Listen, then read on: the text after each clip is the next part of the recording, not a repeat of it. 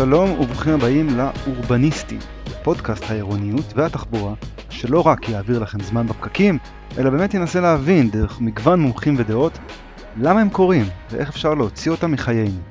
לצורך כך נדבר הרבה על מכוניות פרטיות, אוטובוסים ורכבות, על איכות סביבה, על מהם החיים העירוניים, על כלכלה ואיך היא משפיעה, על אופניים ומציאת חנייה, על דברים אולי ברורים מאליהם כמו מה טוב בללכת ברגל כאמצעי תחבורה.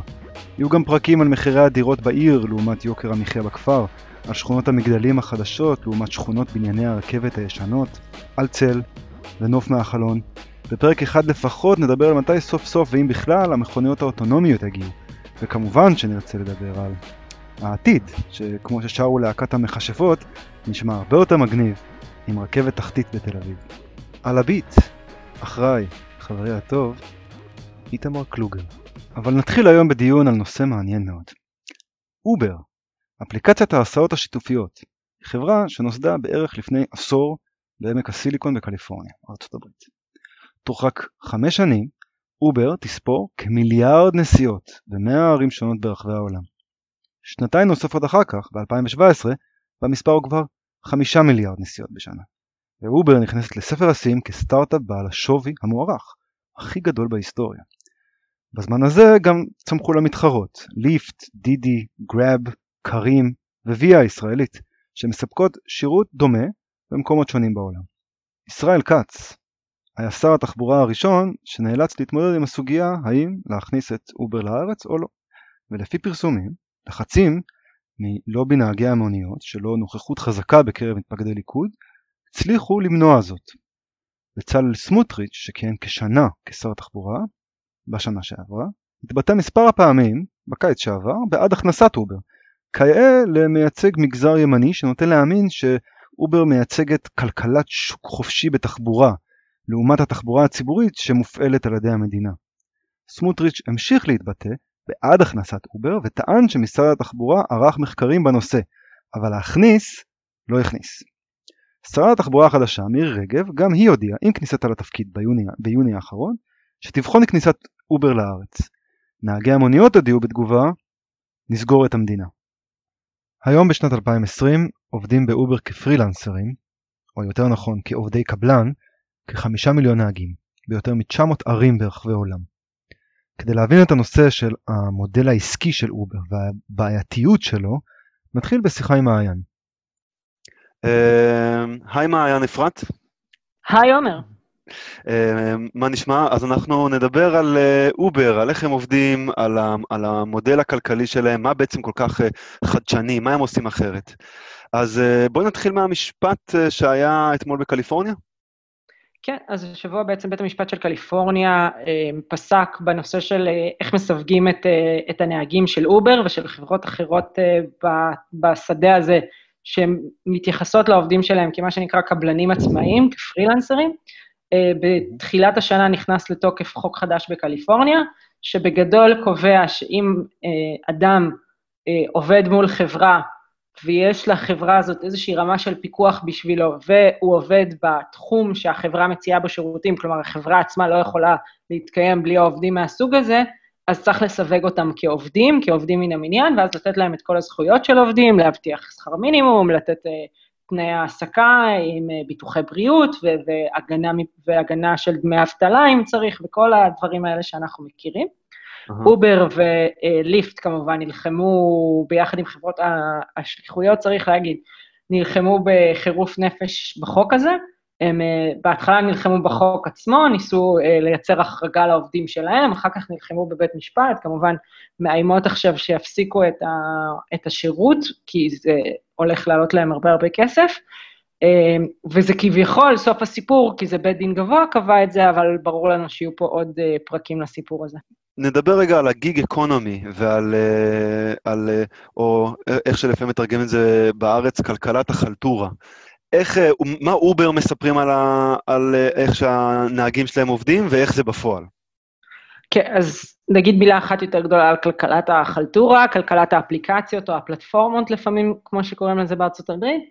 בעצם נוצר אה, עולם כלכלי שאומר, אם יש לנו אפליקציות, שאפליקציות מותקנות על הטלפון של כל אחד, אז כל אחד יש לו איזה שירות שהוא יכול לתת, וכל אחד יש איזה שירות שהוא מחפש לקנות, וזה יכול להיות אה, נהג שייקח אותך מנקודה לנקודה, זה יכול להיות אה, דירה בעיר שלא היית בה אף פעם, וזה יכול להיות גם למשל אה, מניקוריסטית, שתבוא אלייך הביתה ותציע לך מניקור, והכל דרך אפליקציה, ואתה לא צריך לשאול חבר אם יש לו המלצה, אתה לא צריך לעבוד יותר מדי קשה כדי למצוא את השירות הזה, ומצד שני, זה נותן לאנשים שיש להם איזושהי הכשרה מסוימת, או אפילו לא בכלל במקרה של אובר, אה, דרך למכור את שירותיהם, שאם הם היו רוצים לעשות את זה קודם לכן, הם היו צריכים לפתוח עסק עם כל הכללים, והם היו צריכים להפוך את זה לעבודה הראשית שלהם, וכביכול, בעיקר באובר למשל, ההבטחה היא שבעצם אתה יכול אה, להשלים הכנסה מהצד, בלי לקחת לעצמך מקצוע נוסף על כל המשתמע מכך,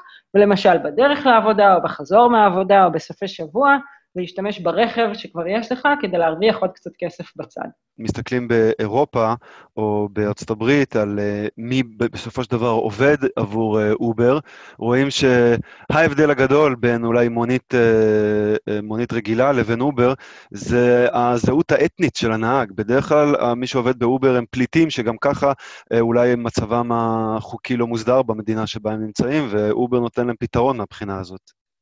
כן, היה אפילו כתבות על, על, על סיפורים של כל מיני אה, מאכערים שנכנסים באמצע, שמזכירים את הרכבים לפליטים, למהגרים אה, מהמעמד הנמוך, שלא בהכרח אולי יכולים לקנות רכב, או, או, או הנתונים הפיננסיים שלהם לא היו מאפשרים להם לקבל הלוואה לקניית רכב, והם בעצם משכירים את הרכב שהם עובדים בו, כלומר, יש עוד בן אדם באמצע שגם הוא צריך להרוויח כסף על הדבר הזה, ובאמת זה מכריח אותך לעבוד הרבה הרבה שעות, וברור שהאנשים האלה עובדים כמעט בלעדית בנהיגה. צריך להגיד, בסוף, נכון, פה אנחנו מדברים אולי על עובדים עניים, ויש מי שיגיד, הנה, את רואה, זה פתר להם את הבעיה, הם לא מצליחים להסתדר בדרך אחרת. אבל ברגע שאנחנו מתחילים לשבור ככה את כל היחסים של שוק העבודה, זה לא יגיע רק לעובדים האלה. כלומר, יום אחד מישהו יעשה uh, disruption, כמו שהם אומרים, אוהבים להגיד בחברות האלה, גם בתחום של, של מי שמאזין לנו ש, שומע כרגע. זה לא ייגמר רק בתשכיר איזה חדר בבית שלך, או ת, תיסע עוד כמה שעות עם הרכב שכבר יש לך בסוף השבוע. בקשר ל... לאלגוריתם של אובר. הרי בעצם כל מה שהחברות האלה מוכרות לנו זה את האלגוריתם שעושה את הקישור בין מי שרוצה את השירות לבין מי שיכול אה, לתת אותו. מה אנחנו יודעים על האלגוריתם של אובר אה, ואיך הוא עובד ואיך הוא מחלק את העבודה וכולי? לא הרבה, וצריך להגיד שגם העובדים עצמם לא יודעים הרבה, וזה חלק מהדיונים המשפטיים האלה. כלומר, יש דיונים שקשורים לסיווג של העובדים, ויש דיונים הרבה פעמים של העובדים עצמם שמנסים, אחרי שהם עוזבים את החברה, או לפעמים נחסמים מהאלגוריתם שלה, ומנסים להבין בעצם מה הם עשו לא בסדר, כדי למצוא את עצמם אה, מנותקים מהפלטפורמות האלה. אנחנו כן יודעים על התמחור הגמיש, שכביכול זה היתרון בשביל העובדים שעובדים דרך הפלטפורמות האלה, שבשעות העומס או בשעות השיא הם מרוויחים יותר, ובשעות אה, פחות עמוסות הם מרוויחים פחות. מה שאנחנו באמת לא יודעים, וזה אה, אחת הסיבות שלא מוכנים להכיר, חלק מהמדינות לא מוכנות להכיר בנהגים האלה כעובדים עצמאיים, זה שהאלגוריתם הוא זה שקובע את המחיר. כלומר, אם נהג אה, מרגיש שהמחיר שקבעה האפליקציה לנסיעה לא מצדיק את העלויות שלו, למשל בדלק, למשל בזמן, לא יודעת, יורד גשם למשל, באמצע פתאום הנסיעה, והנסיעה לוקחת יותר זמן, הנהג לא יכול להגיד, אני מתנצל, אני לא חושב שהמחיר הזה נכון, אני לא יכול, אני מתכוון לקחת אותו ביותר, הנהג פשוט תקוע עם המחיר שהאפליקציה נתנה, וזה אחד הדברים שאומרים, עצמאי אמיתי, פרילנסר אמיתי, כשהוא הולך ולוקח עבודה, למשל רואה חשבון ממשרד עורכי דין, הוא מסתכל על היקף העבודה, הוא מסתכל על כמות השעות, והוא זה שמנהל את המשא ומתן עם, ה, עם החברה על המחיר. נהג אובר לא יכול אה, לאסוף לקוח ולהתחיל לנהל איתו דיון על המחיר. אה, אני חושב שמשבר הקורונה אה, פגע אה, מאוד חזק באובר, וזה משבר הקורונה ביחד עם המשפטים שעומדים מולה כמעט בכל מדינה שהיא היא פועלת.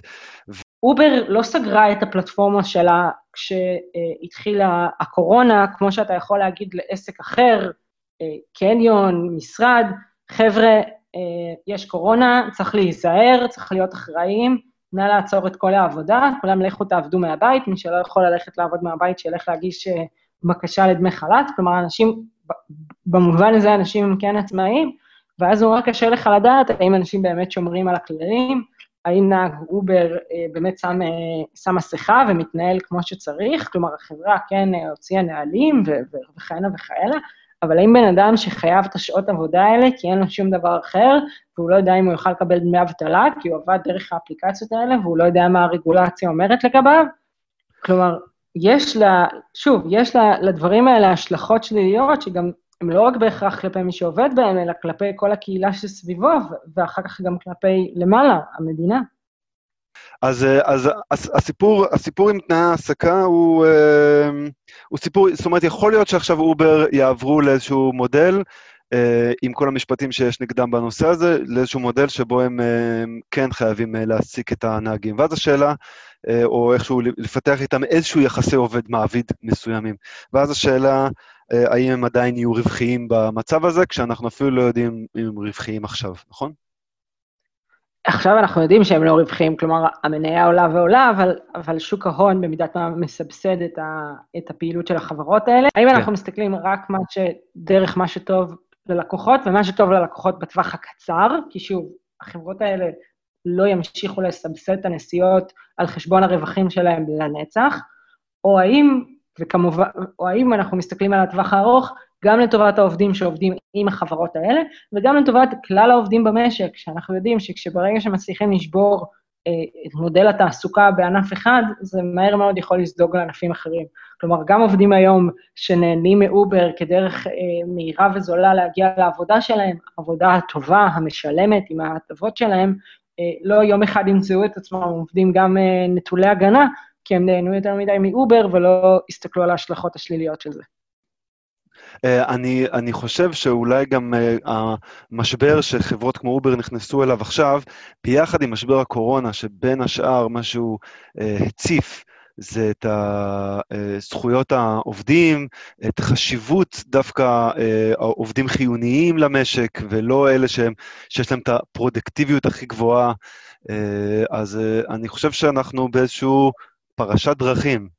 אה, בסיפור הזה עכשיו, אה, כשגם בארצות הברית יש, אה, מתחילה להיות יותר ויותר תמיכה, גם בקרב כלכלנים, גם בקרב הציבור, להעלאת שכר המינימום, לחוקי עבודה יותר הוגנים לכולם, ויכול להיות ש, ששם אנחנו נמצאים. כן, צריך להגיד, זה לא שמי שמנסה להגביל את אובר חושב שבזה שהוא יכריח את אובר להפוך את האנשים האלה לנהגים הוא יפתור את כל הבעיות שלהם. כלומר, יש הבנה, אליזבת וורן תמיד קוראת לזה the working people, the working poor and the poor poor.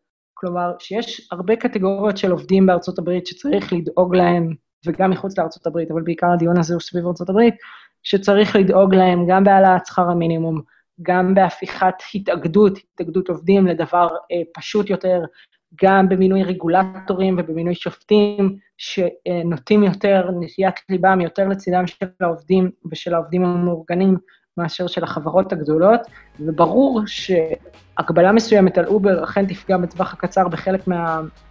מהנהגים שלה, בחלק מהשליחים של החברות האלה, וצריך להגיד ש, שלפחות בצורה הוגנת, האנשים שפועלים כנגד החברות האלה מבינים שזה לא יכול להיגמר רק שם, ושעבודה יותר משמעותית על חוקי העבודה ומה זה להיות אדם עובד, צריך, אה, צריך איזושהי מהפכה כוללת ב, ביחסים בין חברות לעובדים, לפחות הפחות באמריקה.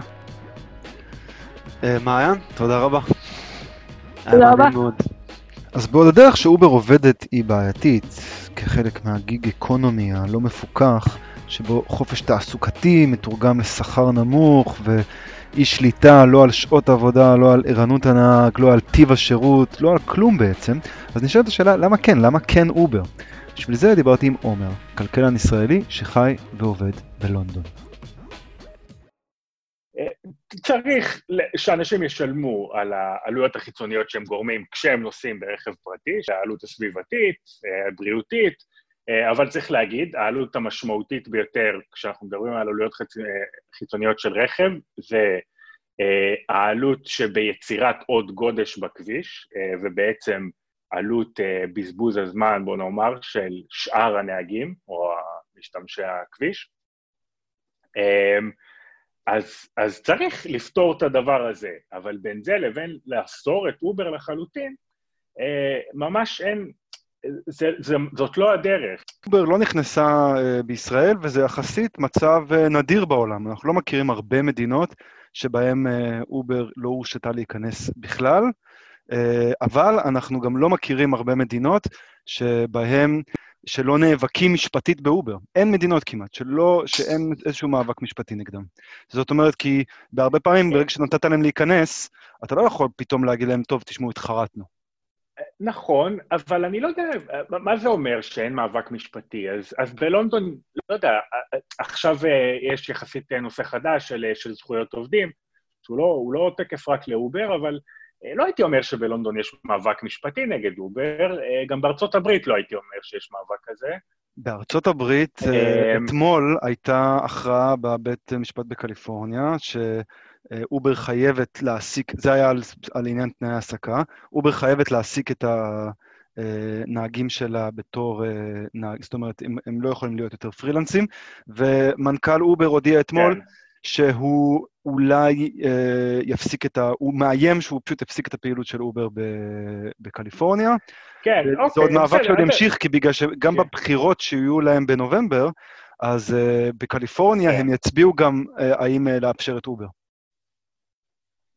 האם לאפשר את אובר ככה, במצב הזה, כמו אוקיי. שהוא. אז, אז זה באמת, זה מאבק יחסית חדש. תראה, גם צריך להגיד, אני, זה לא התחום שלי, זאת אומרת, אם, אה, אם רוצים להגיד שאסור לעבוד כפרילנסים במודל שאובר משתמשת, שכמובן לא רק אובר מושפעת מזה, כן? עשרות אלפי אנשים עובדים באופן הזה בכל מיני ענפים. וכבר, אה, וגם בארץ יש לנו מישהו... למשל את שליחי וולט, שהם... אה, שליחי וולט, ואגב, נהגי מוניות אה, רגילים, מי, מישהו מבטיח להם את הזכויות? הם גם כן פרילנסים לכל דבר, אין, אין שום הבדל. זה שהם, לא יודע, חברים באיזה איגוד, זה לא, לא הופך את זה לבטוח יותר תעסוקתית. אה, אם מחר מספר הנוסעים צונח, נהג המונית הוא לעצמו.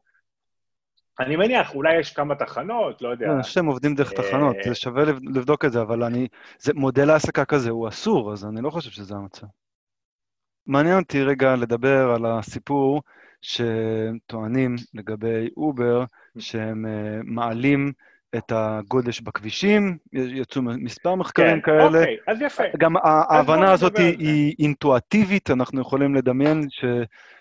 זאת אומרת, אלא אם אנחנו לא מניחים שאנשים מפסיקים להשתמש ברכב ועוברים להשתמש באובר, העובדות מראות שבמקומות שבהם אובר אה, עובד, אנש... זה לא שרכבים יורדים ובמקומם אובר עולים, אלא אובר באים אה, או במקום מוניות, או ובעיקר במקום ש... אה, שאר אמצעי תחבורה ציבורית. אז מה... נכון. מה...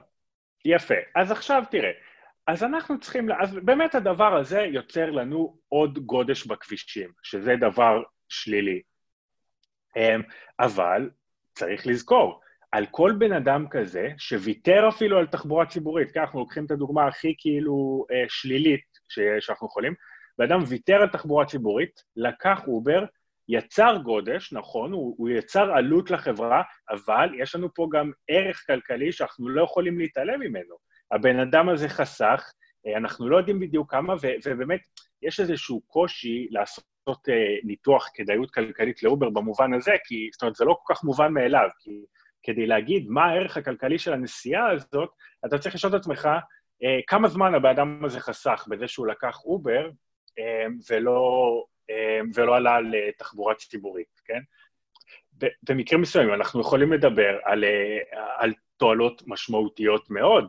אמ, יש אה, טענה, יש, כן. טענה, יש טענה שאובר יכול לעבוד מבחינת המודל העסקי שלו רק במקומות שהם צפופים מספיק שיספקו לו ביקוש.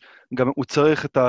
במקומות שהם פרבריים, למשל שכונה שלוקח להיכנס אליה רבע שעה בשביל לאסוף אה, בן אדם אחד, ואז לצאת ממנה, אובר פשוט לא יעבדו שם, כי הנהגים לא ירצו לחכות שם, ל... כי אה, הרי בסופו של דבר אובר זה באמת, אה, אובר לא אומר לנהגים מה לעשות, הנהגים בוחרים איפה להיות, איפה שהם חושבים שיהיה ביקוש, נכון. בשעות שהם חושבים. שיהיה בהם ביקוש. זאת אומרת שאובר יכול לעבוד רק באזורים צפופים ונגישים, שזה בדיוק האזורים שבהם תחבורה ציבורית... זה בדיוק האזורים שבהם תחבורה ציבורית עובדת טוב. זאת אומרת, שאם אתה שואל מה אה, התועלת בסדר, של הבן. אדם, יכול להיות שלקחת אוטובוס כן. היה לו, כאילו, לרוב הנסיעות באובר, יכול להיות שהנסיעה באוטובוס, אה, אולי, במיוחד אם הדרך מנותצת, וכאילו אם הדרך אה, עם נתיבי תחבורה ציבורית נפרדים, ו... ובמיוחד אם זה זמן של גודש, אז אה, זה יכול להיות דווקא שעם האוטובוס הוא יגיע מהר יותר. אבל זה בדיוק הנקודה, אתה מבין? אין, אין קשר. אנשים אומרים, אתה מכניס את אובר, אתה פוגע בתחבורה ציבורית. עכשיו, אוקיי, נכון, אנחנו לוקחים קצת נוסעים בתחבורה ציבורית, אבל הדרך לעשות תחבורה ציבורית טובה היא לא על ידי זה שאנחנו נעשה את האלטרנטיבות אה, לא קיימות או עוד יותר גרועות. לא, נכון, בדיוק מה שאתה אומר, בואו נעשה נת"צים, נעשה תחבורה ציבורית טובה.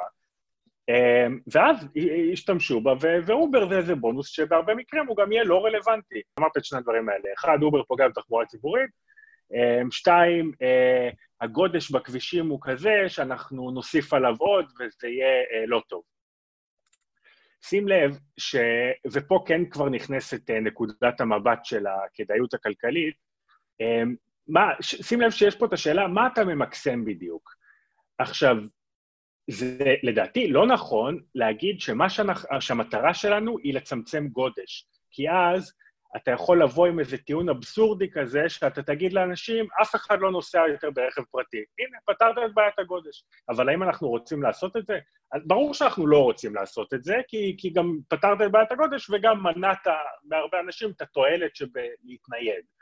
אמ, אז, אז זה מביא אותנו לזה שלדעתי, מה שאתה, כשאתה חושב על מדיניות תחבורה, אה, על המגוון שלה, מה שאתה מנסה למקסם, אתה לא מנסה למקסם רווח של אה, חברות אוטובוסים או רכבות, ואתה לא מנסה בהכרח רק להפחית את הגודש. זאת אומרת, לפעמים זה יהיה תוצר לוואי ש...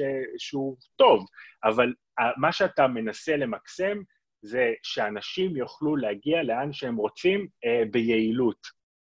אה, עכשיו, בעיית הגודש, אין בעיה, אתה צריך לפתור אותה על ידי אה, אגרות גודש, אתה יכול אה, לצמצם את הנסיעה הפוטנציאלית באובר על ידי מס אובר, שזה גם אה, דבר שקיים בכל מיני מדינות, אה, אבל, אבל אתה לא רוצה לאסור את הדבר הזה ולמנוע מאנשים את עוד אפשרויות ניידות. משווקים את זה בישראל, כאילו מי שמדבר על אובר אומר, בישראל יש בעיית אה, פקקים כל בוקר, הפקקים הם רק הולכים ומתגברים. בואו ניתן כן. לאובר להיכנס כדי. להילחם בפקקים. אני מסכים. האם אובר היא תילחם בפקקים? אני מסכים לחלוטין, לא, אובר לא נועדה להילחם בפקקים, היא לא תפחית את הפקקים, אם, אם נכניס אותה כמו שהיא, היא תגדיל את הפקקים, אה, וצריך, אה, אין דרך להימנע מזה, אבל אתה יודע, אתה יודע מה עוד יגדיל את הפקקים? אה, שההכנסה תעלה, אז גם זה יגדיל את הפקקים. כשתהיה לנו יותר צמיחה בארץ ויותר פרודוקטיביות, גם זה יגדיל את הפקקים. האם אנחנו מתכוונים אה, לאסור את הדברים האלה? אה, כמובן שלא. שוב, פקקים בסופו של דבר זה סימפטום לשני דברים. אחד הוא חיובי, לאנשים יש יותר כסף, אנשים יותר רוצים לצרוך יותר ניידות, אה, יש להם יותר פנאי לצרוך את הניידות הזאת, או, או שיש להם יותר עבודות שהם צריכים להגיע אליהן, אה, אז זה דבר חיובי, וגורם אחד לפקקים. הגורם השני, שהוא בשילוב עם הראשון, זה חוסר יעילות תחבורתית, חוסר יעילות ב, ביכולת שלך, אה, אה, כן, להזיז אנשים, אה, או לאפשר לאנשים אה, לה- להגיע מ- מאלף לבית, לכמה שיותר אנשים. אה, ומהבחינה הזאת, אובר, הוא תומך בראשון, הוא מאפשר ליותר אנשים לנסוע, והוא לא משנה לך את השני, כן? הוא לא...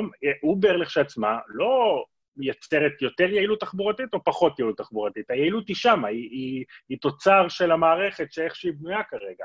אמ, אז מה שאתה עושה בזה שאתה מונע את אובר, אתה, אתה מנסה בכוח אה, לדחוק את הביקוש לניידות, שזה לדעתי לא הדרך הנכונה אה, לעשות את זה.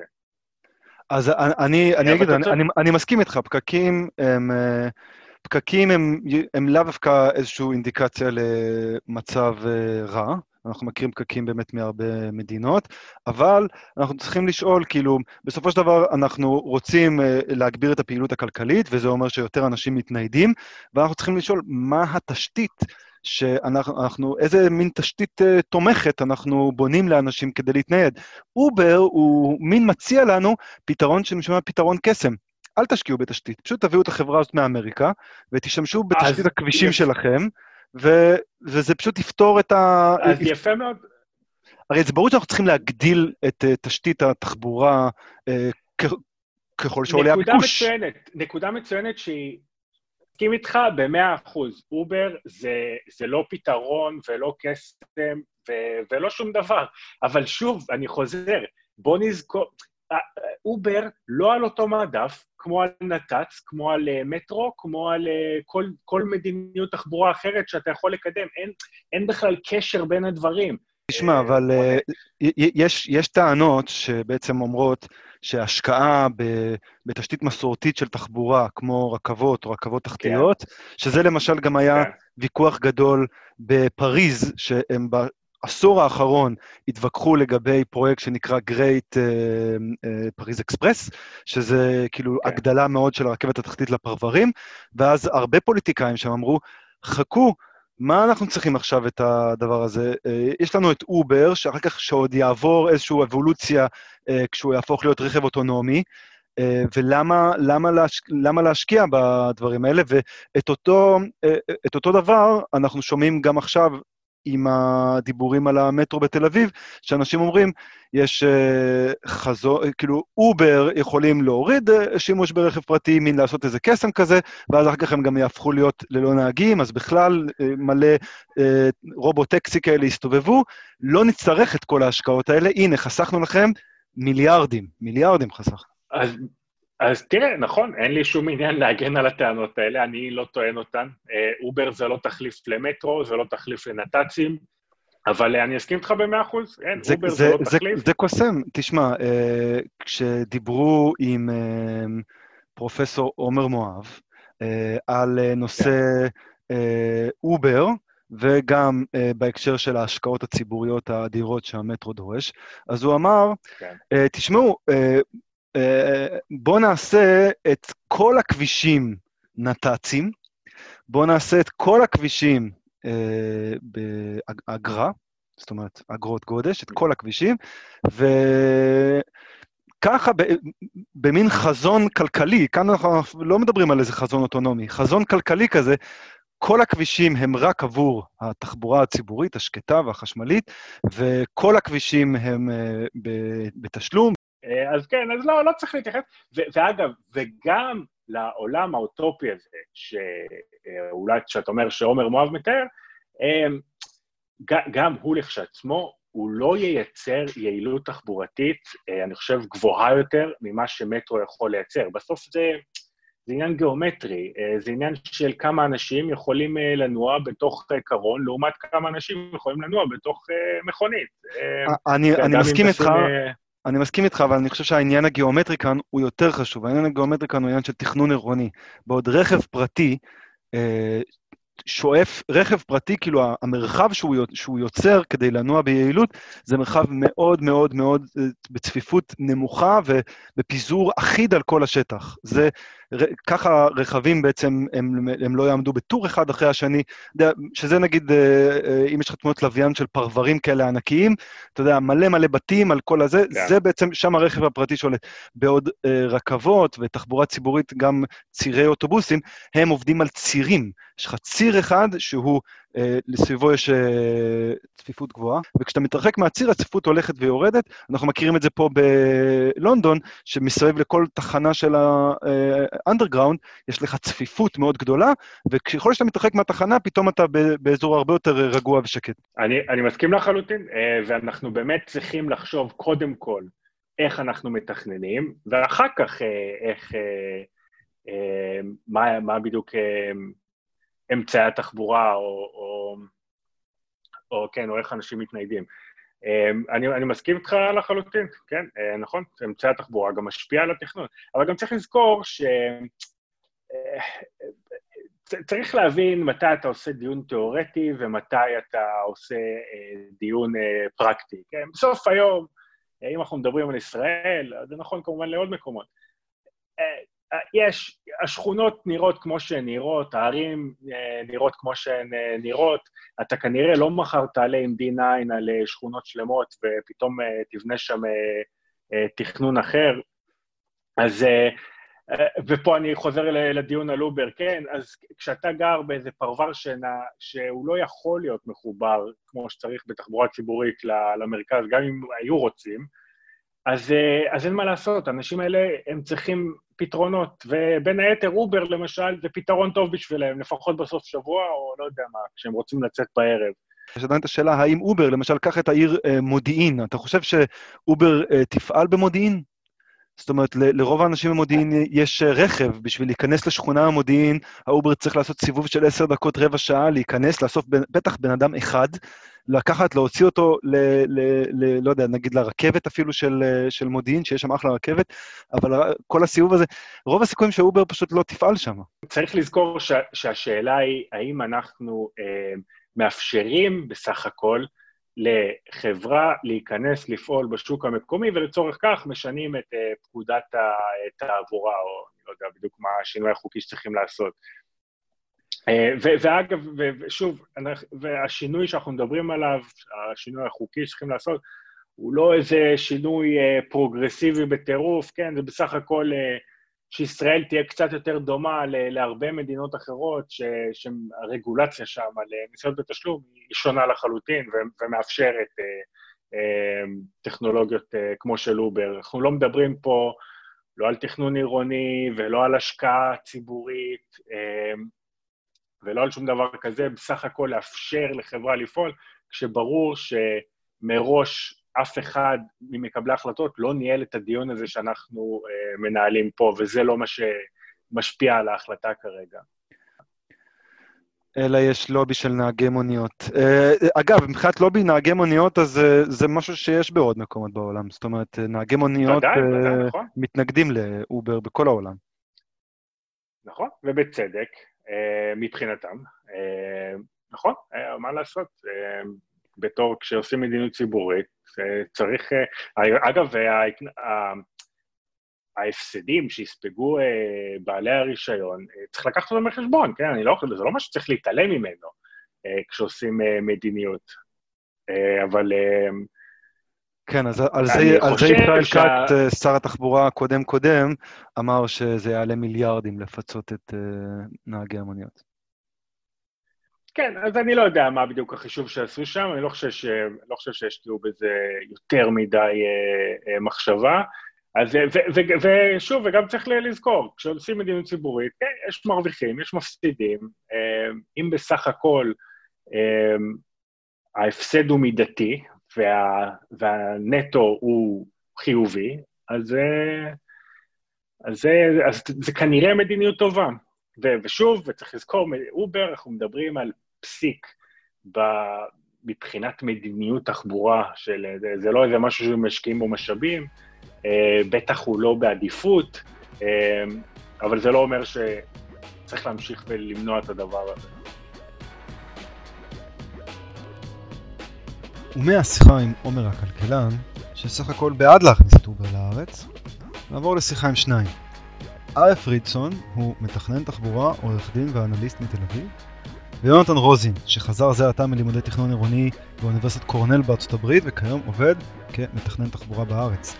איתם נדבר על הנושא החשוב ביותר בהקשר של אובר, הפגיעה בתחבורה העירונית. כי דבר אחד בטוח, נתונים שמגיעים מהערים בעולם בהן אובר ודומותיה עובדות, מעידות על עלייה חד משמעית בגודש התנועה, בפקקים, לעיתים של עשרות אחוזים.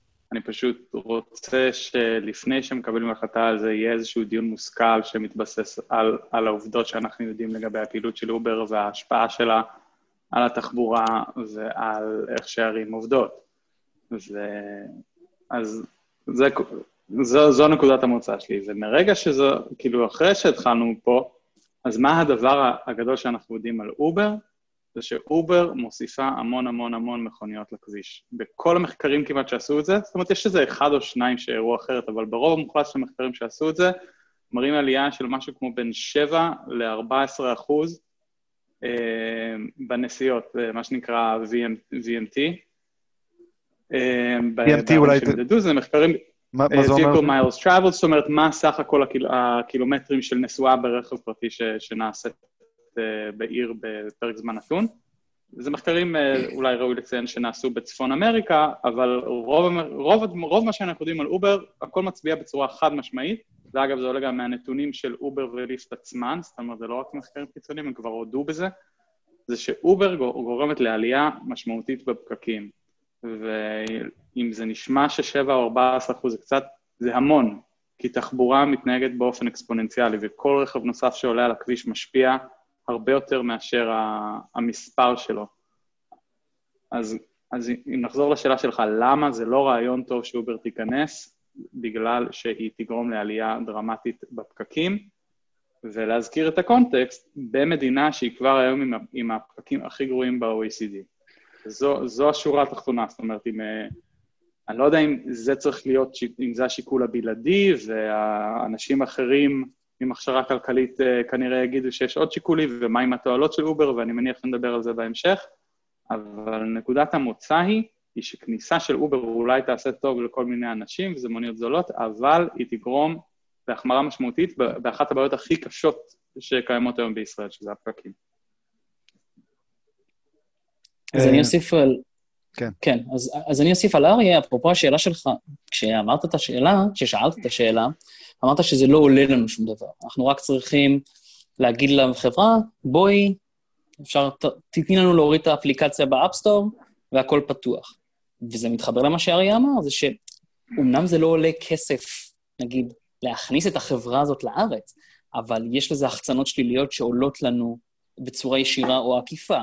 הפקקים, זיהום אוויר, התנאי העסקה של העובדים אה, באובר, אה, ההרעה של התנאים למוניות. יש כל מיני אה, השלכות מסדר שני ושלישי לדבר הזה שעולות לנו. אז להבדיל ממה שקרה עם הקורקינטים החשמליים, שפשוט יום אחד הופיעו בתל אביב, אם יש לנו הזדמנות אה, להחליט אם שירות מסוים נכנס או לא, אז בדיוק כמו שאריה אמר, צריך לשבת על זה, אה, ובאמת לעשות מחקר השוואתי בין הערים בעולם שפועל בהן אובר, ולראות מה באמת היו ההשפעות שם, ולעשות את זה כדיון מסודר. זה לא פשוט, זה לא צריך להיות, לא צריכה להיות החלטה של שר אה, תחבורה כזה או אחר, שאומר, אני רוצה להכניס את אובר, אני לא רוצה להכניס את אובר. בטח שזה לא גם אם זה תלוי שיקולים של, אה, ועד, נגיד, ועד נהגי המוניות, שיש לו כוח פוליטי מסוים. אם רוצים להכניס שירות כזה שמשנה את צורת התחבורה בעיר, בעיקר בתל אביב, אז צריך לעשות איזה דיון מושכל, כמו כל החלטה עם השפעות כאלה גדולות. אני, אני מבין, ואני מבין את שתי הנקודות אה, של אה, שניכם, אה, ובכל זאת, כמו שגם אריה אמר, אנחנו מבינים שלאובר יש תועלת. הרבה מאלה שרוצים להכניס את אובר אומרים, אובר זה כמו מונית. מונית נותן, אה, עולה למשתמש איזשהו אה, כסף מסוים, ואז הוא מקבל את הערך של להתנייד בקלות, בנוחות, בדרך שבה הוא רוצה להתנייד עם הרכב שהוא מונית. אה, אובר יעשה, יעשה את אותו דבר, ייתן את אותה תועלת לאנשים שרוצים להשתמש בו, אבל יעלה להם פחות. אז... אה, אז uh, uh, אני מסכים איתך, צריך לנהל את הדיון, אבל אנחנו צריכים לנהל, זאת אומרת, אה, באותה מידה שקשה לכמת אה, כמה אה, עלייה של 7% בפקקים תעלה לנו, גם קשה לכמת כמה עוד ערך לכלכלה ייתן שימוש באובר, למשל במטרופולין תל אביב. אז אני חושב שאין ספק שיש לזה תועלות. השאלה היא, למי התועלות האלה? זאת אומרת, יש באופן גס, אפשר לקרוא לזה אה, בעולם תכנון תחבורה, שתי גישות, נקרא לזה, של צדק אה, תחבורתי למיניהם. אז יש את הגישה של צדק תחבורתי, שאומרת, אה, מה שמעניין אותנו אה, בתור אה, מתכנן תחבורה, או חוקרי תחבורה, זה להגביר את הנגישות עבור כל האנשים. בעצם, תחבורה זה שימוש נגזר מפעילות מסוימת, והוא מאפשר לבני אדם אה, להגיע למוס חפצם. וככל שיש יותר אופציות אה, תחבורתיות בעיר, מוניות, רכבים פרטיים, אופניים, תחבורה ציבורית, אוטובוסים, רכבות, מוניות שירות. ככל שאנחנו מגדילים את סך האמצעים, אנחנו מגדילים בעצם את סך הנגישות האפשרית, ו... וזה מעולה, אחלה. אז זו גישה אחת. גישה שנייה, שבאה יותר מכיוון אקדמי שנקרא אה, אה, מפנה הניידות החדש, פחות או יותר, אה, New Mobilities Paradigm, מסתכל על זה בצורה אחרת ויותר הוליסטית. זאת אומרת, לא מעניין אותי רק הגברת הנגישות, שאין ספק שזה משהו שהוא חשוב, מעניין אותי להסתכל על תחבורה כחלק ממערכת כוללת. זאת אומרת, אה, מה, מה באמת אותן החצנות שליליות של השירות הזה, של, שמבוסס על רכב פרטי, אומר על העיר, על החברה ועל העולם. זאת אומרת, מה המחירים הכלכליים של זה, מה המחירים הסביבתיים של זה, מה המחירים העירוניים של זה, ומכוון לכן, הדגישה הזו יותר מכוונת של בואו אנחנו נעזור לשיפור נגישות, או, או כולל מהאוכלוסיות, נקרא לזה, הכי אה, חלשות או מוחלשות, וזה ישפר לכולם. זאת אומרת, אובר מכוון לקבוצת אוכלוסייה מסוימת, אה, שברור לנו אה, מנסיעה באוטובוס. אה, לעומת זאת, אם נשפר עכשיו את התחבורה הציבורית, לא רק אנשים עניים, לצורך העניין, ייהנו מהשיפור הזה. הרי בכל העולם, בערים שיש בהן תחבורה ציבורית טובה, אנשים מכל קבוצות האוכלוסייה, מכל העשירונים הכלכליים, משתמשים בתחבורה ציבורית. אז שיפור כזה ייטיב עם כולם, לעומת שיפור שהוא רק בדמות של אובר, אה, ייטיב עם קבוצה מסוימת לאוכלוסייה. אז זה בגדול, לדעתי, שתי הגישות שצריך לבחון. אני אוסיף על יונתן. אה, לפני שנגיע לדבר העיקרי שרציתי להגיד, רק משהו בהמשך לדברים של יונתן, זה שאנחנו כבר יודעים בשלב הזה שרוב הנוסעים של, שמשתמשים באובר הם אנשים שלפני כן השתמשו בתחבורה ציבורית. זאת אומרת, אם אובר תיכנס ויהיו לה מספר משתמשים גדול, זה אומר ירידה במספר אנשים, ב-ridership של תחבורה ציבורית, ירידה בהכנסות של החברות תחבורה ציבורית, שא' זה פוגע בהכנסות שלהם, שזה באופן ישיר ישפיע על הפעילות שלהם, על תדירות קווי אוטובוסים, וזה גם בצורה עקיפה יותר יגרום למקבלי החלטות במשרד התחבורה והאוצר להגיד, יש פחות אנשים שנוסעים באוטובוסים, אז אולי באמת אנחנו לא צריכים לסבסד את התחבורה הציבורית, וזה פשוט כאילו איזשהו מעגל שיזין את עצמו ורק ידפוק את החלשים שנוסעים באוטובוסים. אז זה נקודה אחת. עכשיו, הדבר הגאי שרציתי להגיד לגבי העניין הזה של השיקול של התועלות, הוא שהוא פשוט כל האנשים שאומרים שיש תועלות, אף אחד לא כימת את זה, אף אחד לא הוכיח את זה. זאת אומרת, כשאני אומר, אם אובר תיכנס, היא תעשה נזק, אז אני לא כלכלן בעצמי, אז אני לא יכול לתת לך את המספרים, אבל יודעים, יש עבודות, נעשו עבודות כלכליות בישראל שאומרות מה הנזק למשק בשנה בגלל הפקקים. ואני מניח שיש עבודות כאלה שאומרות מה הנזק אה, בגוש דן. ואם אנחנו באים ואומרים, יש צפויה עלייה של בין 7 ל-14 או 10 אחוז או whatever אה, בנסועה של רכבים פרטיים בגוש דן, הם יוכלו לכמת לך במספרים ואומרים לך מה, מה יהיה הנזק. כל האנשים שמדברים על התועלות לא יכולים לכמת את זה, כי אף אחד לא, לא עשה את העבודה הזאת, אז כאילו קשה לי להתייחס אפילו לטענה הזאת. עכשיו, ברור שיש תועלות, הייתי בחו"ל, נסעתי באובר, וואלה זה אדיר, אתה כאילו כמה לחיצות באפליקציה והופ, מישהו מגיע, אוסף אותך, מביא אותך לאן שאתה צריך בחצי מהמחיר של מונית. זה אחלה. יש עוד כל מיני תועלות עקיפות. קראתי איזה מאמר שדיבר על אה, ירידה בתאונות דרכים בגלל drunk driving בארצות הברית, כי אנשים שפעם היו נוסעים הביתה באוטו אחרי יציאה לבר, היום פשוט עושים אובר. זאת אומרת, ברור שיש תועלות, אבל בלי שיש איזה דרך אה, לכמת אותן, קשה להתייחס לזה. וכשיש לי מצד אחד איזשהו נזק שהוא נורא נורא ברור, נורא מוחשי, הוא הוכח בהרבה מאוד ערים בעולם, אפשר להצמיד לו תג מחיר כלכלי, ומצד שני כל מיני תועלות מעורפלות שאף אחד לא הוכיח ולא לגמרי ברור מה הן, אז לי ברור באיזה צד uh, אני נמצא. הרבה מתומכי אובר לוקחים את זה לכיוון שהם אומרים, uh, במקום עכשיו להיכנס להשקעות ציבוריות מאוד גדולות, שגם מערכת אוטובוסים דורשת, גם מערכת uh, uh, רכבות קלות, רכבות תחתיות דורשות, אז הנה יש לנו את אובר, שנותן לנו תועלות דומות, בלי, אה, בלי ההשקעות הציבוריות. זה משהו שקוסם להרבה אנשים. אה, זאת אומרת, אנחנו... אה, הרבה אנשים חושבים שמי שמתנגד לאובר, הוא, אולי יש לו איזושהי אובססיה עם תחבורה ציבורית. הוא רוצה קודם כל שאנשים ישתמשו בתחבורה ציבורית. זה מאוד פשוט. האנשים שחושבים את זה, הם לא עושים את זה כי יש להם תחבורה, אובססיה עם תחבורה ציבורית, אלא כי יש להם איזשהו רקע אקדמי ומקצועי בתחבורה.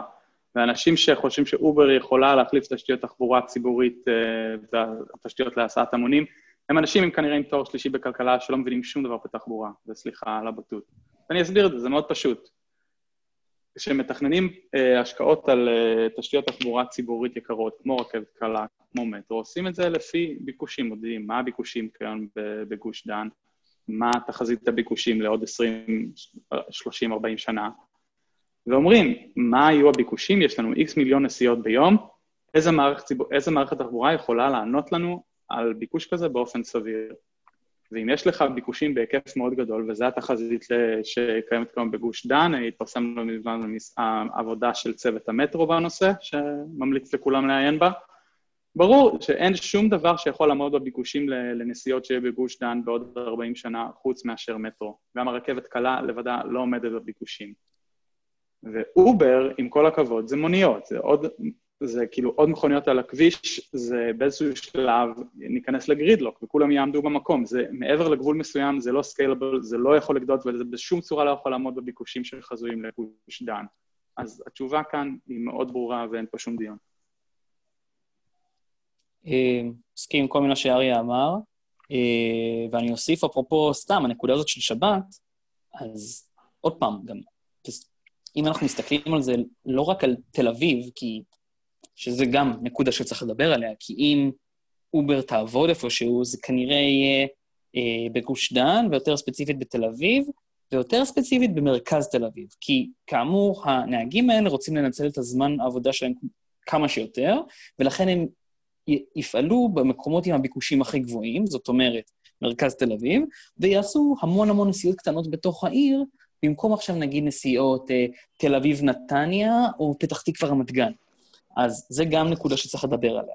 אבל אפרופו הקטע הזה של השבת, אז גם צריך לחשוב את מי זה ישרת. אם עכשיו יש לנו משפחה של אה, חמישה, חמש, חמש נפשות מראש העין, שרוצה לנסוע לחוף הים ב... לא יודע, בהרצליה או בתל אביב.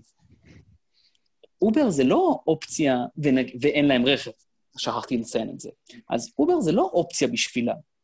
בטח כי רובם יהיו מכוניות פרטיות עם ארבעה מושבים, אבל בנוסף לזה, לקחת אובר מראש העין לים בשבת, זה כנראה הרבה כסף, לעומת לכשיהיה שם אה, אחד מקווי המטרו, או לא משנה מה יהיה. זאת אומרת, זה גם בהנחה שהוא יפעל בשבת, אבל נשים את זה בצד. אבל זאת אומרת, שוב, התועלות של אובר הן ברורות, אבל מעבר לסוגיית הכימות שלהן, כפי שאריה אומר, גם צריך לחשוב למי זה מועיל. כי אמנם זה זול, אבל זה לא 4.90 לנסיעה. אז אה, זה גם, זה נקודה שכל הזמן צריך לזכור. הרבה, הטענה שאנחנו שומעים לגבי הגודש, יגידו לכם שגודש... אגרות גודש! אגרות גודש, בדיוק, אגרות גודש, אנחנו שם, אנחנו שם. למה, למה הם אומרים אה, אגרות גודש? הם אומרים לך, קודם כל, פקקים זה לא באמת בעיה, פקקים זה סימן לפריחה כלכלית. אה, פקקים תמיד יהיו. אנחנו מסתכלים על ערים שבהם יש מערכות תחבורה ציבורית מפוארות ועדיין יש בהם פקקים. אה, אז זאת אומרת, המטרה שלך היא לאו דווקא להילחם בפקקים, אלא המטרה היא לתת, השאלה היא כאן מה המטרה. לתת אפשרויות. לכן אומרים לך, אוקיי, יש לך בעיה עם הגודש, תפתור אותה עם אגרות גודש שיעבדו ככה או אחרת, ובלי קשר, אם אתה רוצה על אובר, אתה יכול לשים מס אובר, כמו שעושים בכמה מקומות אה, בעולם, זאת אומרת שאובר משלמת אפילו יותר גבוה, ו... ושלום על ישראל. אז מה, מה אנחנו אומרים עם זה? אוקיי, okay, יש לי הרבה מה להגיד בנושא, אז אני אקפוץ ראשון, סליחה, יונתן. אמ, אז ככה, לגבי אגרות גודש, צריך לעשות סדר כי יש המון בלבול ודיסאינפורמציה שמגיע מהאזורים באינטרנט אה, של עומר מואב וחבר מרעיו. אגרות גודש, בגדול הרעיון אמ, זה בעצם ש... הרעיון הוא שכל בן אדם שעולה על הכביש יוצר איזושהי עלות שהוא מחצין, עלות שלילית שהוא מחצין, ואגרות גודש זה איזשהו בעצם איזשהו מס קטן שנגבה ממנו, שגורם לו להפנים את העלות הגודש, והמטרה של זה היא, היא לשנות את התמריצים שלו ככה שנהגים ישנו את ההתנהגות שלהם, ובמקום לעלות על הכביש בשעות העומס, ייסעו בשעות אחרות, ייסעו באוטובוס, יעבדו מהבית, ימצאו איזשהו פתרון אחר ולא, ולא יעשו את זה. עכשיו, זה נשמע כמו פתרון קסם, זה בהרבה מקומות שניסו את זה, זה באמת עובד כמו קסם בסינגפור, בסטוקהולם ובלונדון. זה הדוגמאות היותר מוכרות אה, לשימוש באגרות גודש, ורוב המחקרים בנושא מגיעים משם. עכשיו, מה משותף? הן היחידות. מה משותף לשלושת הערים האלה, שאיכשהו עומר ומואב אף פעם לא מדבר על זה? יש להם תחבורה ציבורית מדהימה. זאת אומרת, האנשים האלה שלא רוצים לשלם את האגרת גודש, יש להם יופי של אלטרנטיבה. אז כאילו, הנקודה שאני אומר היא שתנאי לאפקטיביות של אגרות גודש הוא קיום של מערכת תחבורה ציבורית יעילה, שמאפשרת לאנשים אלטרנטיבה לנסיעה ברכב הפרטי בשעות העומס. אז כל האנשים שמדברים על, על אגרות גודש בתור איזה סילבר בולט שיפתור לנו את כל הבעיות, אף פעם, אני לא חושב, לא, לא, לא חשבו ברצינות על מידת האפקטיביות של אגרות הגודש בישראל, ועכשיו, זה לא ממש נוסע, יש את הניסוי של נעים וירוק שמתבצע בימים אלה, שהוא מין אגרת גודש הפוכה, שבמקום לגבות כסף על נסיעה בשעות העומס, נותנת כסף לנהגים שנמנעים מלנסוע בשעות האלה, אבל אני לא יודע בדיוק מה, מה התוצאות של... הניסוי עדיין מתנהל, אני לא יודע מה התוצאות, מה השורה התחתונה, אבל מבחינתי השורה התחתונה שהאפקטיביות של הגודש גודש בישראל היא מאוד מפוקפקת ולא, ולא ברורה. אז אני לא הייתי מבסס שום דבר, בטח לא דבר כאילו עם השלכות uh, שליליות רציניות כמו הכנסה, כניסה של אובר לישראל, על הטיעון שמה הבעיה נעשה אגרות גודש. אז זה לגבי אגרות גודש. עכשיו, הנושא השני שהזכרת זה מס אובר או מס גודש. הרבה פעמים יש בלבול, יש איזה מסמך של, uh, uh, של משרד האוצר שבו הם השתמשו, ב, ב, שהם קוראים לזה מס גודש. שמס גודש זה בעצם אומר, זה לא אגרות גודש ש, שדיברנו עליהן קודם, אלא זה איזשהו מס מיוחד שיוטל על אובר. אה, שעל פניו, תיאורטית, זה יכול להוות פתרון. זאת אומרת, מבחינתי, אין שום בעיה עם אובר. הבעיה עם אובר היא שהיא כל כך זולה. שהשירות הוא זול, הוא מפתה המון אנשים להשתמש בו, ובעצם מוסיף הרבה נסיעות ברכב פרטי לכביש. עכשיו, אם, אתה, אם, אתה, אם אה, מטילים איזשהו מס אובר, שהוא מס ספציפי שבעצם משווה את העלות של נסיעה באובר לעלות של נסיעה במונית. אישית אני לא רואה עם זה שום בעיה. עכשיו, זה מעלה שאלות אחרות, שאומר, מה, כל המודל של אובר מתבסס על זה שהנסיעה נורא זולה. מרגע שהכרת את הנסיעה, מה, מה בכלל, האם יש קיום בכלל אה, ל business model של אובר? אני לא יודע, הזכרת שיש מקומות שעשו את זה, אני אשמח שתרחיב כי אני פחות מכיר, אבל uh, על פניו מבחינתי אין שום בעיה, אבל השורה התחתונה היא שיש, אי אפשר לתפוס את המקל משתי הקצוות שלו. או שיש לך אובר זול שהרבה אנשים ישתמשו בו ויהיה מדהים, או שיהיה אובר יקר ואז לא הרבה אנשים ישתמשו בו כי זה עולה כמו מונית, ואנחנו יודעים כמה אנשים נוסעים במוניות, וזה לא יהיה כזה מדהים. אז זה או-או. אה, אני רוצה להוסיף... כן. כן, אני רוצה להוסיף, אפרופו אגרות גודש, בנוסף לכל מה שאריה אמר, והוא צודק, צריך גם להבין שמס גודש, למרות, אגרת גודש, למרות שיש בה היגיון, זאת אומרת, הכביש הוא אה, משאב ציבורי שנסלל לפני אי, אי, כמה שנים, אה, ומשתמשים בו בחינם. ויש את הרעיון הזה של באמת, אוקיי, אנחנו לא יכולים לתפעל את כולם, אז בואו נגבה מהם שימוש ונווסת את הביקושים. אבל באמת, בגלל היעדר התחבורה הציבורית הטובה, כפי שאריה ציין, שבנוסף, שכאילו, גם להגיד על זה, שלא רק שבסינגפור, בסטוקהולם ובלונדון יש מערכות תחבורה ציבוריות, מערכות תחבורה ציבורית מעולות, אלא גם ספציפית מאז שהם התחילו לגבות אגרות גודש, הם לא, הם לא הפסיקו לשפר את אותן אה, מערכות והרחיבו קווים ובנו גם קווים חדשים. זאת אומרת, זה תמיד בא אה, יד ביד. אבל בנוסף על זה... אני אותך, נראה לי בחלק מהמקומות הם ממש משתמשים בכסף, ש... בכסף שמגיע מאגרות גודש ומשקיעים אותו ספציפית בתחבורה הציבורית. כן, כן, חד משמעית.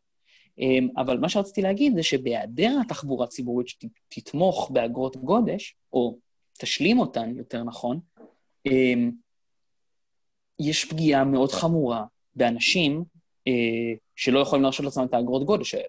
זאת אומרת, ברגע שיש לנו, שאין לנו תחבורה ציבורית טובה, נקרא לזה בטבעת השנייה או השלישית של אני מתייחס פה לגוש דן, אבל זה כי סביר שאובר תפעל שם.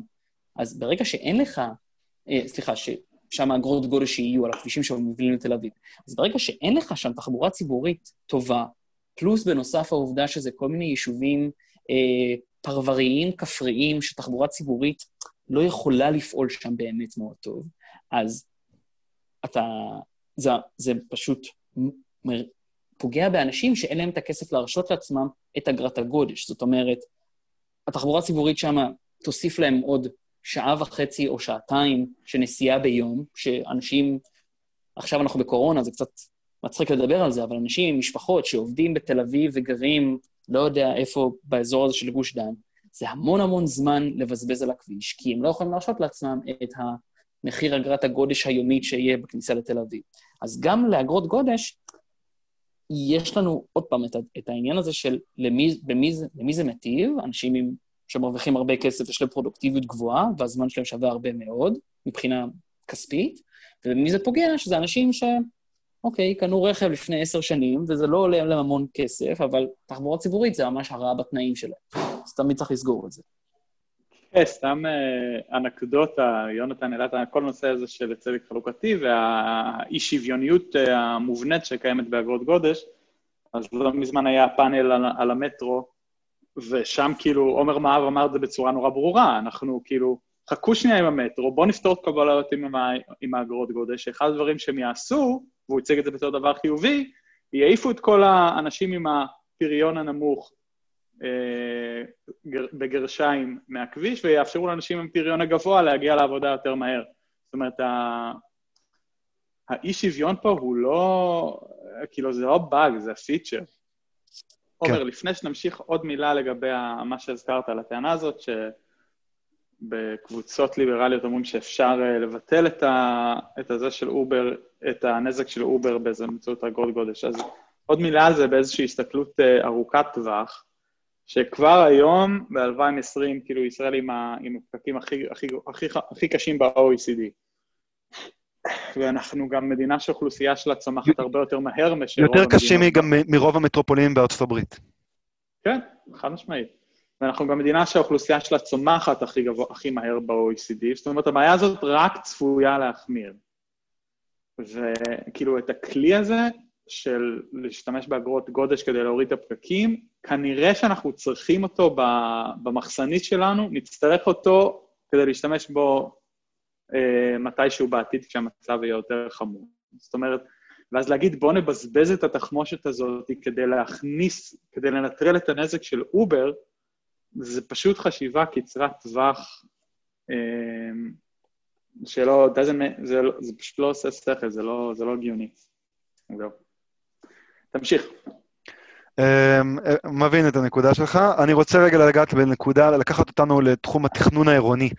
חלק, אה, טענה שאנחנו שומעים לגבי אובר, זה שאיפה שאובר כן אה, תוריד אה, שימוש ברכב פרטי, אם, בוא נגיד, אנחנו, אני מבין שזה גם עדיין יכול להיות הבעיה, אז uh, הסיבה אולי שאנשים לא ירצו להשתמש ברכב פרטי וכן להשתמש באובר, זה בגלל שאובר לא צריך חנייה.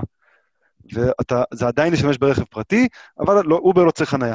ולכן, כשנצטרך פחות חנייה, אז אנחנו נוכל באמת להקדיש את uh, uh, המקום שמוקדש בערים שלנו לחנייה, שזה בעיה שרוב האורבניסטים uh, מתעסקים בה, לדברים אחרים, לתחבורה ציבורית, לשבילי אופניים, להרחיב את המדרכות, כי אובר ישחרר לנו חנייה. יש לנו משהו להגיד על זה? אה, כן. קודם כל, כאילו- כל דבר... תתחיל להרים. כן. נו. אה? אוקיי. אמ, תראה, זה מאוד פשוט. אנחנו יודעים היום שרוב המשתמשים של אובר הם מגיעים מהתחבורה הציבורית. זאת אומרת, זה לא האנשים שנסעו ברכב הפרטי שלהם וחנו מלכתחילה. אז זאת אומרת, הטענה הזאת, גם אם ברעיון היא נשמע, יש בה איזשהו היגיון, בפועל זה פשוט לא נכון. רוב האנשים מגיעים לתחבורה הציבורית, זה לא, זה לא הולך להשפיע על מספר האנשים שהולכים. זאת אומרת, מי שיש לו כבר רכב פרטי, בין אם הוא כי הוא אוהב לנהוג, או בין אם הוא כי הוא גר במקום שאין לו שום ברירה אחרת מאשר להתנייד ברכב פרטי, ימשיך להתנייד ברכב פרטי, גם, גם אם אובר תיכנס. אה, אנחנו מכירים, זה... אנחנו מכירים לגבי מטרופולין תל אביב, שזה מטרופולין שבו השימוש ברכב פרטי כדי לנוע גם אפילו בתוך המטרופולין הוא די גבוה, אה, הוא, הוא באזור ה-60 אחוז. לעומת uh, ערים אחרות, שזה באזור ה-20 אחוז. זאת אומרת, הפוטנציאל להורדת רכב פרטי מהכביש אה, הוא גבוה יחסית בתל אביב. שוב, אני... אה, אובר עדיין לא פועל בישראל, אז אני, קשה לי לאפיין את המשתמשים שלהם, אבל אנחנו יודעים מהעולם שרוב המשתמשים של אובר הם אנשים שלפני כן השתמשו בתחבורה ציבורית. וזה שוב מחזיר אותי לאותה נקודה שאמרתי קודם, שאם הדבר הזה, זה גם זה מה שנראה בישראל, אנחנו לא נראה הרבה אפקט על, על, על, על החנייה. וגם אם כן, יודע מה, בוא אני אזרום איתך, גם אם כן, על איזה היקף אנחנו מדברים, כמה אחוז מהחניות אנחנו נוכל להוריד? חמש? עשר? זה לא Game Changer. אז אני לא, לא מבין את הטיעון הזה. יונתן, אני חושב שגם... כן. כן, אני חושב שעוד פעם, אני, אני בספק כמה, גם אם יכניסו עכשיו את אובר מחר, אני בספק כמה אנשים באמת יחליטו, אוקיי, אני לא צריך יותר את הרכב שלי, אני אמכור אותו. אה, ברמה של, אני גם לא צריך להחזיק יותר, כאילו, ולכן אני לא צריך חנייה, ולכן אפשר להוריד חניות. אני, עוד פעם, לא יודע אם מישהו חקר את זה ויש לו מספרים לגבי זה, אבל אני... זה יפתיע אותי מאוד... זהו, זה יפתיע אותי מאוד אם אנשים יוותרו על רכב בעיר, מכיוון שאובר נכנסו ונותנים את השירות הזה. אמ, אז אני מאוד סקפטי לגבי זה. אמ, זה בדרך כלל יותר טיעון ששומעים על אה, רכבים אוטונומיים. זאת אומרת, הרכב כל הזמן מסתובב, ופשוט אנשים יעלו וירדו ממנו, כאילו זה מוניות שירות אוטונומיות כאלה, שזה טיעון בעייתי בפני עצמו, וזה לא לשם מה שהתכנסנו לחניה. אבל אה, שוב, אני מאוד בספק שהכנסת אה, אובר לעיר תגרום למישהו להיפטר מהרכב שלו. האמת שהנקודה שאתה מעלה היא אה, נקודה עם הרכב האוטונומי. הרי זה משהו שהרבה טוענים לגבי אובר, שאובר זה איזשהו שלב באבולוציה לקראת אה, רכבים אוטונומיים, שנכנסים לבעיה של מי מחזיק את הצי הזה של רכבים אוטונומיים, שזה יכול להיות רק חברות פרטיות, ואז אה, גם, גם ככה, ואני מדבר על זה בשיחה אחרת עם אה, מעיין אפרת, הנהגים של אובר הם די שקופים. זאת אומרת שגם אם ייעלמו ופתאום יהפכו להיות אוטומטיים, יכול להיות, של, יכול להיות שלאף אחד לא אכפת. אה, כאילו, והמודל הזה רק יוכל לעבוד יותר, זאת אומרת, ברגע שמורידים את כל העניין של אה, חוקי העבודה, אז אה, המודל הזה של אובר נהיה, נהיה, נהיה מושלם, אין בו בעיות יותר. לא הייתי אומר אין בו בעיות יותר. כאילו, בוא, בוא נזכיר על מה אנחנו מדברים. יכול להיות שיש לזה איזושהי רלוונטיות לגבי החנייה, אבל גם אם הרכבים של אובר יהיו אוטונומיים, אם וכאשר, זה עדיין רכבים פרטיים, זה עדיין מקדם מילוי מאוד נמוך, וזה עדיין מעלה את ה-VMT של רכבים פרטיים בצורה מאוד, בצורה מאוד משמעותית זה כאילו הולך להחמיר את מצב הפקקים בעיר בערך הכי, הכי פקוקה, אחת הערים הכי פקוקות בעולם, אז כמה זה משנה, אני לא יודע. אני רק רוצה, כן, חד משמעית זה קשור. אה, גם אובר מכריזים על זה והם מפתחים בעצמם, אה, כאילו, גרסה שלהם של רכב אוטונומי. אבל עוד פעם, כאילו לא עוד פעם, זה כן זווית אחרת שצריך לדבר עליה בהקשר של מה שיותר נקרא לזה תכנון עירוני, זה איך אנחנו רוצים להקצות את שטח הרחוב שלנו. אה, זאת אומרת, הרחובות הם משאב מוגבל, והשימוש ברחוב הוא משחק סכום אפס. תיתן יותר מקום לרכבים, בין אם זה מוניות, רכבים פרטיים, רכבים אוטונומיים או אובר, זה פחות מקום לאוטובוסים, פחות מקום לאופניים ופחות מקום להולכי רגל. והשאלה היא, איזה... ובהינתן העובדה שבערך 80 מסך, השט... מסך השטחים הציבוריים בערים זה הרחובות עצמם. זאת אומרת, מקיר לקיר, זאת אומרת, מדרכות וכביש. אז זה משאב שהוא מאוד מאוד חשוב, ואנחנו לא באמת מתייחסים אליו כמו שצריך, ולא באמת משקיעים את המחשבה לאיך אנחנו מנצלים אותו. לפי דעתי, אה, מסעה, זאת אומרת, אספלט שסוחב אה, רכבים פרטיים או מאחסן חניות, זה בזבוז של, של המרחב הזה, שאפשר להשקיע אותו בצורות הרבה יותר אה, אה, בריאות, אה, אקולוגיות, אה, מעניינות ונעימות. אה, בין אם זה להרחיב מדרכות, בין אם זה נתיבי אופניים, בין אם זה נתיבי תחבורה ציבורית, בין אם זה אה, להפוך רחובות רחבים לשדרות. אז עוד פעם, עניין התועלות, דיברנו עליו, אבל צריך לזכור גם שאיך אנחנו רוצים לראות את הרחוב שלנו, כי מכוניות אוטונומיות, אוברים, רכבים פרטיים, יהיו כנראה תמיד, לצערי, אבל אה, הם לוקחים המון המון שטח, וכמה שטח שנקצה להם זה השטח ש... שהם יקבלו, זה משפט קצת טאוטולוגי, אבל... אה, וזה משהו שאם מקדמים אוברים, אה, רכבים אוטונומיים וכדומה, זה מנציח את הדומיננטיות של הרכב הפרטי בעיר. אה, משהו שאנשים בתחום של תכנון עירוני יותר ויותר מתעוררים ו... ומתנגדים אליו. יש, יש, קושי, יש קושי עם אובר, כי אובר הוא נותן, אה, נותן תועלת. אה, אני, אני חושב כאילו שבאמת הד, הדבר שאובר נותן תועלת, זה שהוא מוריד לך את המחיר למונית, כי הרי לפני שמשתמשי התחב"צ יעברו אליו, זה ברור באמת שאובר ייתן fight מאוד קשה לשימוש במוניות בעיר, ובגלל זה הם המתנגדים העיקריים, והם כנראה אלה שמונעים מהם להיכנס. אמ, וזה בגלל שבאמת, אה, כשאתה יוצא לבלות אה, בעיר שיכור ואתה רוצה לחזור הביתה, אז באמת אה, מונית תעלה לך הרבה יותר כסף מאובר, או בשביל כל מיני נסיעות שהן נסיעות קלאסיות של מונית, כמו נסיעות לשדה התעופה או כאלה.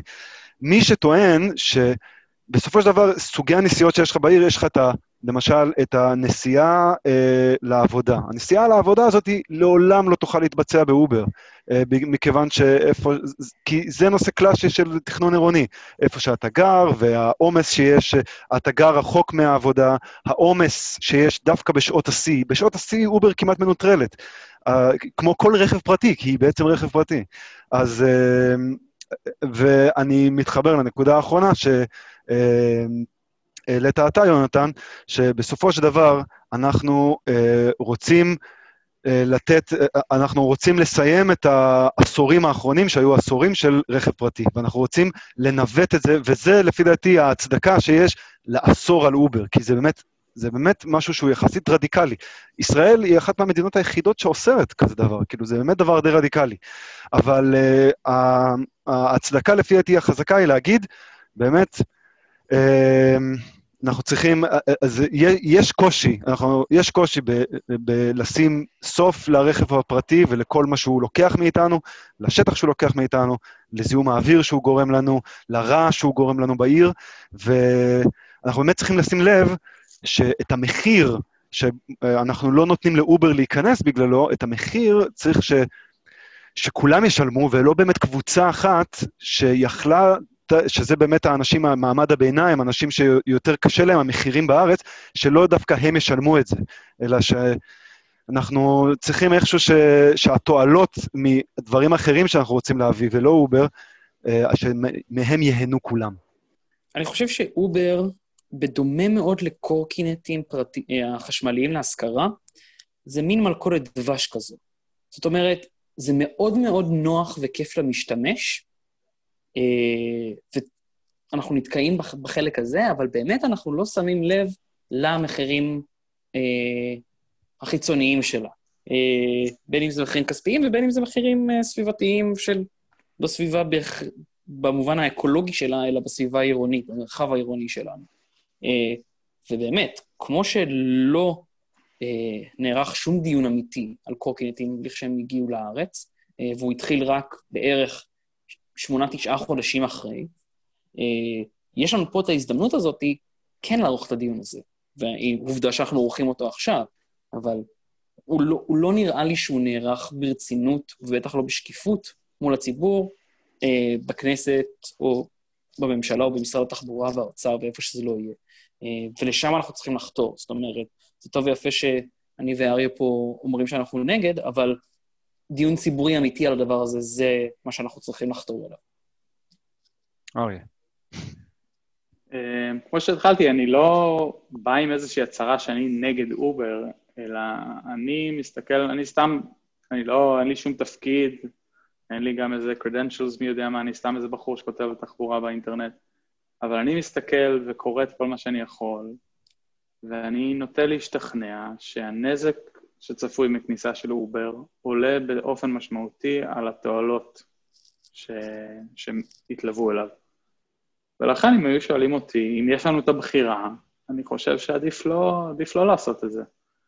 כלומר, הרבה מהמדינות, הרבה, בהרבה ערים אה, בארצות הברית שהכניסו אותם, כבר עכשיו כאילו עובדים קשה ונלחמים באובר ובתי משפט כדי לנסות להצר את הצעדים שלה ולהגביל את הפעילות שלה, כי עכשיו, שנים אחרי שהיא נכנסה, הם מבינים את היקף הנזק שהיא גורמת. אז, אם, אז לדעתי אנחנו צריכים להסתכל על מה קורה בעולם, להפיק את הלקחים ולהגיד, למה, למה להכניס את עצמנו לברוך הזה? ובזה, אני מקווה, כיסינו את נושא אובר, תחבורה שיתופית, וגם קצת התחלנו לגרד את נושא אגרות הגודש. בתחבורה, כמו בכלכלה, כמו בעיצוב ובתכנון, אין תשובה אחת נכונה. יש כאן השקפות עולם. לעיתים מתלכדות, לעיתים מתפצלות. בפרקים הבאים של פודקאסט האורבניסטים נדבר על תוכנית המטרו הגדולה, רכבת תחתית אמיתית שמתוכננת בימים אלו בגוש דן. נדבר על עתיד הקורקינטים והמיקרו-מוביליטי בכלל. אבל מה עם האוטובוס הישן והטוב? מה עם הליכה ברגל? מה עם רכיבת אופניים? האם כל אלה הם עדיין חלק מהעיר הגדולה במאה ה-21? על כל אלה ועוד ועוד הרבה הרבה יותר בפרקים הבאים של פודקאסט האורבניסטים. בינתיים אני רוצה להגיד תודה רבה למי שישתף בפרק הזה, מעיין אפרת, עומר בוהר, יונתן רוזין ואריה פרידסון. אני עומר רז, ועל הביט המעולה שמלווה אותנו, איתמר קלוגר, הלו הוא די.ג'יי טרומפלדור, שתהיה שנה טובה.